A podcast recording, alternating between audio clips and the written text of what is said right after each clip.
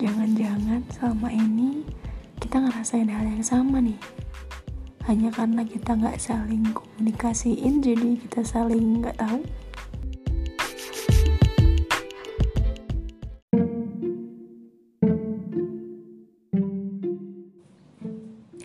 Barusan kutipan yang aku ambil dari buku yang judulnya Mind Traveler.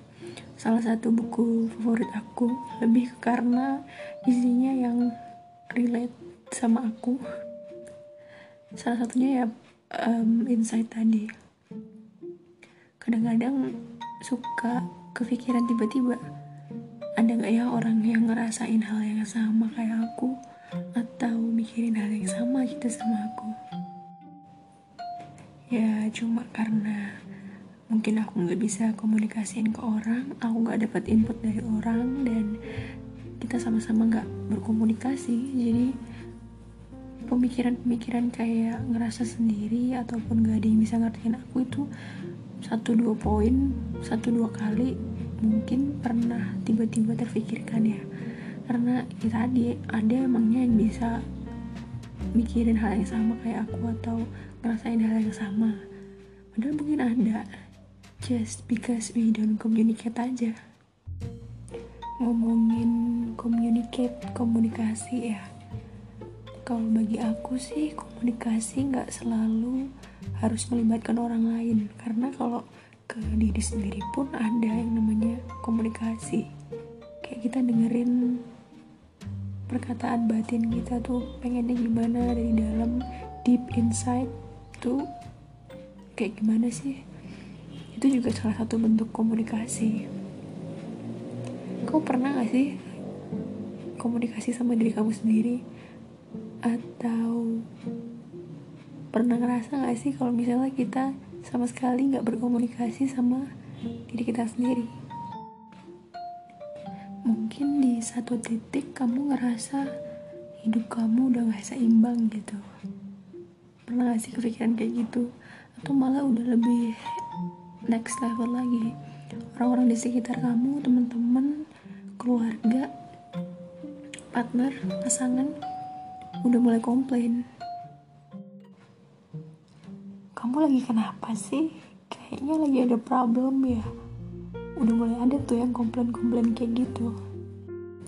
Atau malah bahkan contrary kebalikannya. Kamu mulai ngerasa stres ngerasa capek burn out uh, pusing. Pengennya udah berhenti aja capek dengan semua ini gitu. Pernah gak sih ngerasain kayak gitu? Mungkin bahasan ini bakalan lebih istilahnya menjurus ke arah life balance. Kalau misalnya kita sampai ngerasa stres kalau orang lain sampai komplain kok kayaknya ada yang salah sih? Kok kayaknya kamu mulai berkurang sih waktunya untuk uh, bonding sama keluarga ataupun teman-teman? Kalau sampai dalam posisi yang kayak gitu mungkin ya ada sesuatu dengan life balance mulai nggak imbang, mulai nggak pada tempatnya.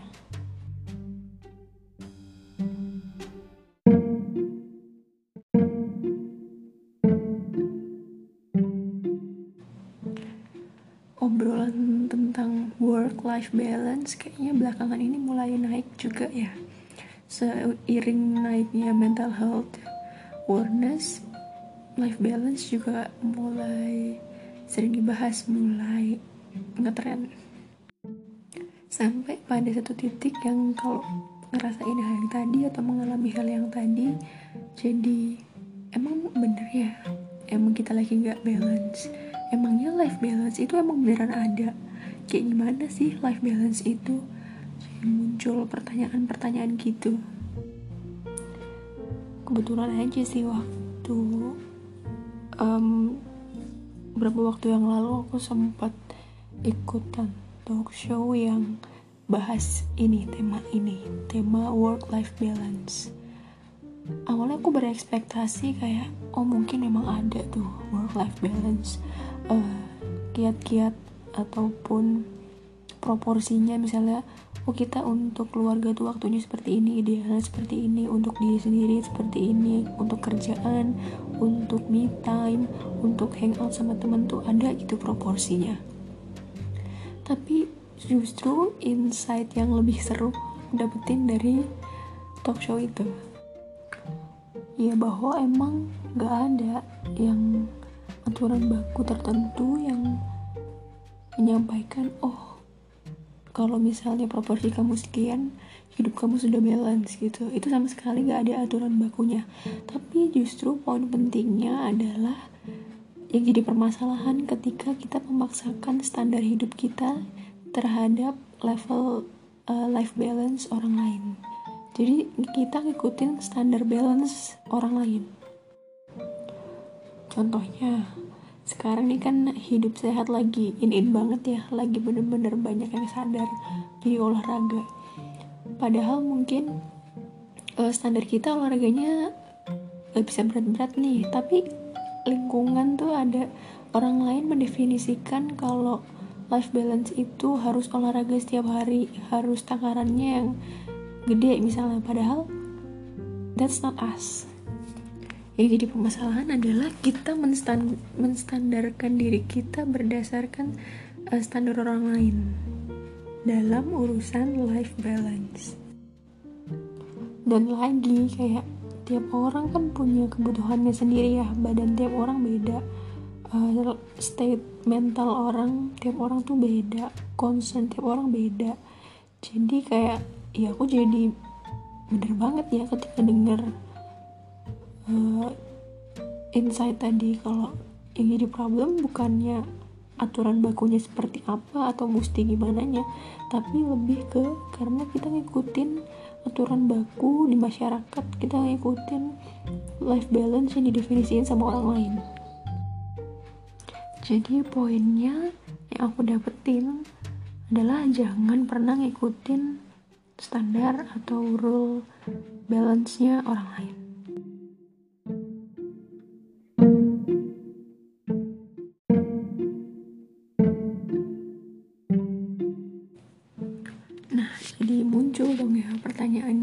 misalnya kita lagi ngerasa ada yang salah nih hidup nih kok kerasa nggak balance? Orang-orang mulai komplain yang di sekitar kita. Inner circle mulai komplain kayak kamu lagi kenapa? Ada sesuatu ya? Dan sebagainya. Di talk show itu juga uh, kasih trik. Gimana kalau misalnya kita lagi ngerasa kayak gitu dalam kondisi yang kayak gitu. Bicaranya bilang take a pause. Ambil waktu kamu dulu. Berhenti dulu. Pause tuh istilahnya nge-freeze dulu. Kenalin lagi diri kamu itu yang seperti apa dan benerin dulu tuh yang belok-belok. Misalnya kamu ngerasa kurang di mana dibalikin lagi. Dan ini juga berarti konsekuensinya adalah kembali lagi. We have to know ourselves well. Bahasan yang di podcast sebelumnya aku pernah bahas juga ya. Soalnya ya tadi ketika kita nggak ngenalin oh kita itu definisi in life kita balance tuh seperti ini. Tiap orang punya proporsinya masing-masing dan ketika kita maksain masuk ke standarnya orang masuk ke definisinya orang yang ternyata beda banget itu kan pasti juga akan nyiksa diri kita sendiri dong. Makanya balik lagi sih penting penting dan urgent untuk ngenalin dan ngedefinisin kayak gimana sih life balance yang kita mau yang kita tuju yang kita maksud. Nah selain karena tadi ya kita harus mirroring ke diri sendiri aku jadi keingetan bahasan lain yang sebelumnya pernah aku dapat dan ini keren dan oke okay banget sih nyambung. Itu tentang well-being. Mungkin kalau di permukaan aja ya tiap orang mungkin oh ya udah dia misalnya udah kerja kemudian uh, hidupnya baik-baik aja financially stable dan sebagainya.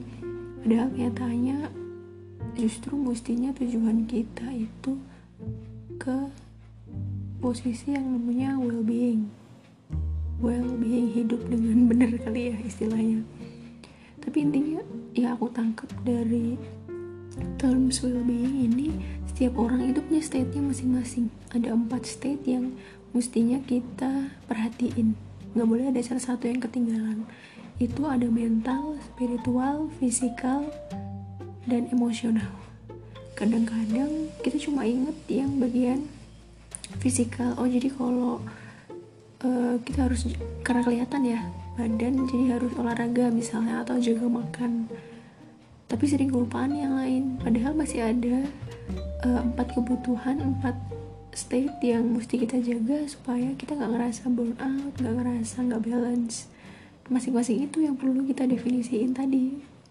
Uh, bahasanya jadi nyambung ke work life balance tadi ya.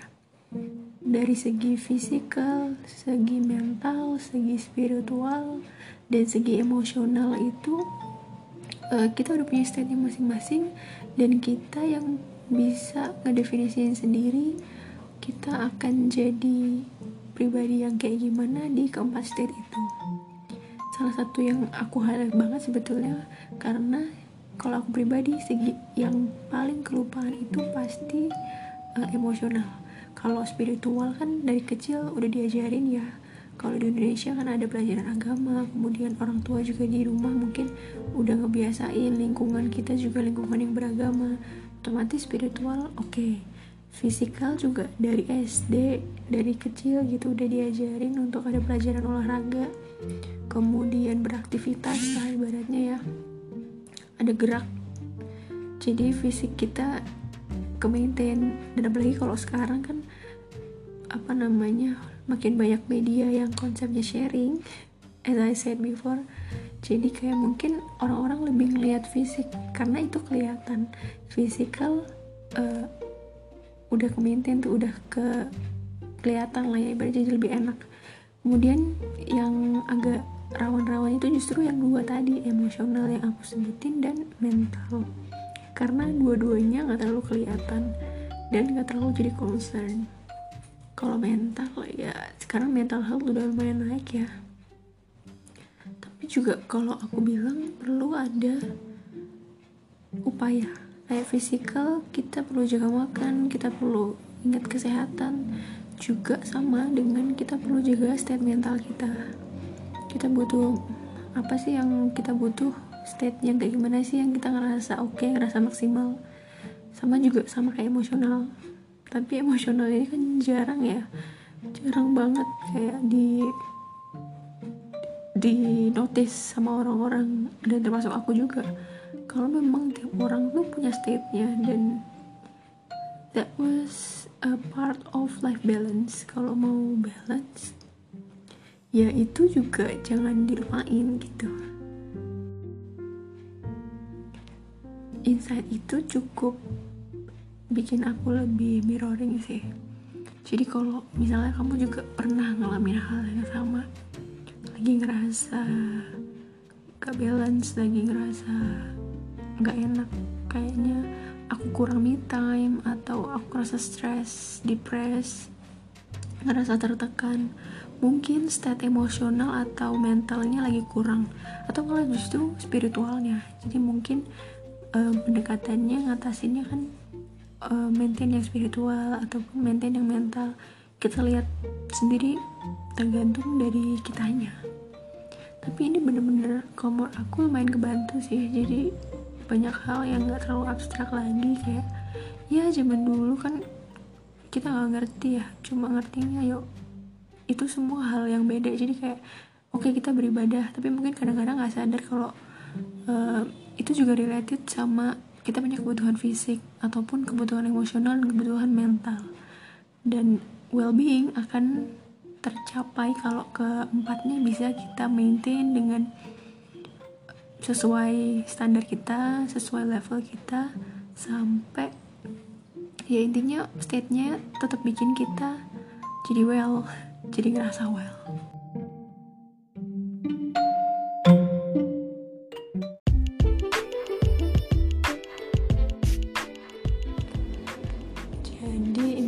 sih kalau misalnya kita udah tahu yang aku paling rasain banget kok setelah tahu life balance, work life balance, terus well being. Jadi lebih enak untuk maintain diri sendiri. Ada karena ada empat hal yang jelas-jelas mesti kita perhatiin, kita definisiin dan kita istilahnya kita hack sendiri. Misal nih dari segi fisik, oh aku akan ngerasa enak kalau makan makanan tertentu. Jadi misalnya observe dulu sebelumnya aku nggak bisa makan ini dan sebagainya. Nggak usah maksain juga.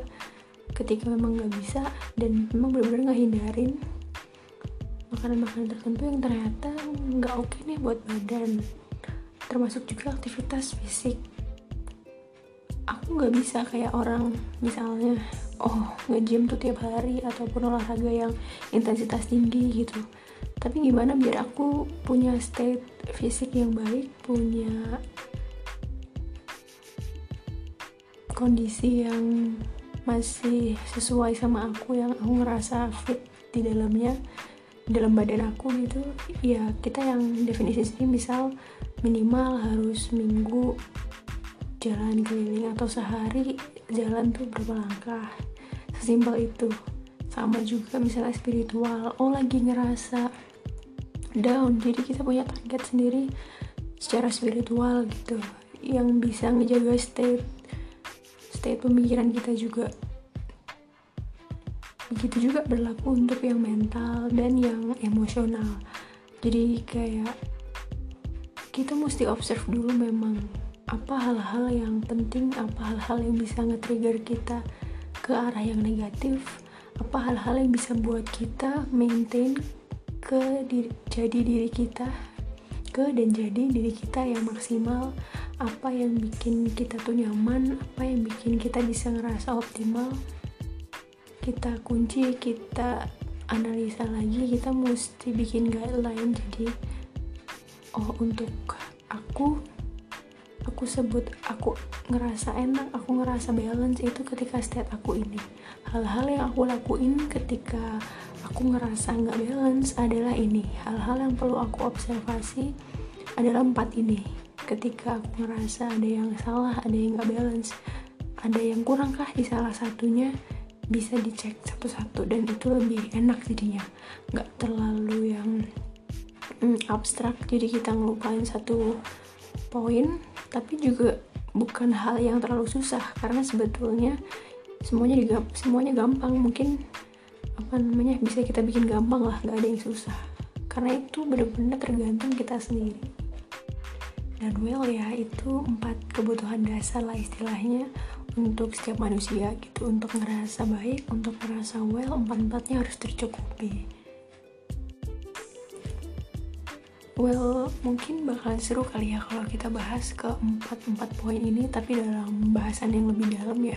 Karena kan ini baru garis besarnya dan aku yakin kayak ngebingungin banget nih orang ngomong apa sih mungkin bakal lebih enak kalau dibahas satu-satu tapi next time bakal lebih detail tentang empat hal spiritual, fisikal, eh, mental, emosional dari yang pernah aku alamin dan aku rasain juga sih yang pernah aku cari referensi referensinya mungkin bakal aku share next time. Tapi anyway apa yang udah aku sampaikan sekarang mungkin sejauh ini dulu ya. Tentang work life balance, tentang well-being dan dua hal itu cukup menjadi game changer, uh, tipping point, hal yang cukup berubah aku jadi lebih enak ngejalanin keseharian. I hope that can help you too kalau lagi dalam fase yang tadi fase negatif, fase stress, fase dikomplain sama orang-orang sekitar mungkin bisa nih cek lagi empat state tadi mungkin lagi ada yang kurang gak selalu melulu tentang fisik ataupun tentang mental bisa jadi tentang spiritual ataupun emosional kamu itu dulu ya bahasannya. Kita ketemu di podcast yang lain. Terima kasih udah dengerin. Bye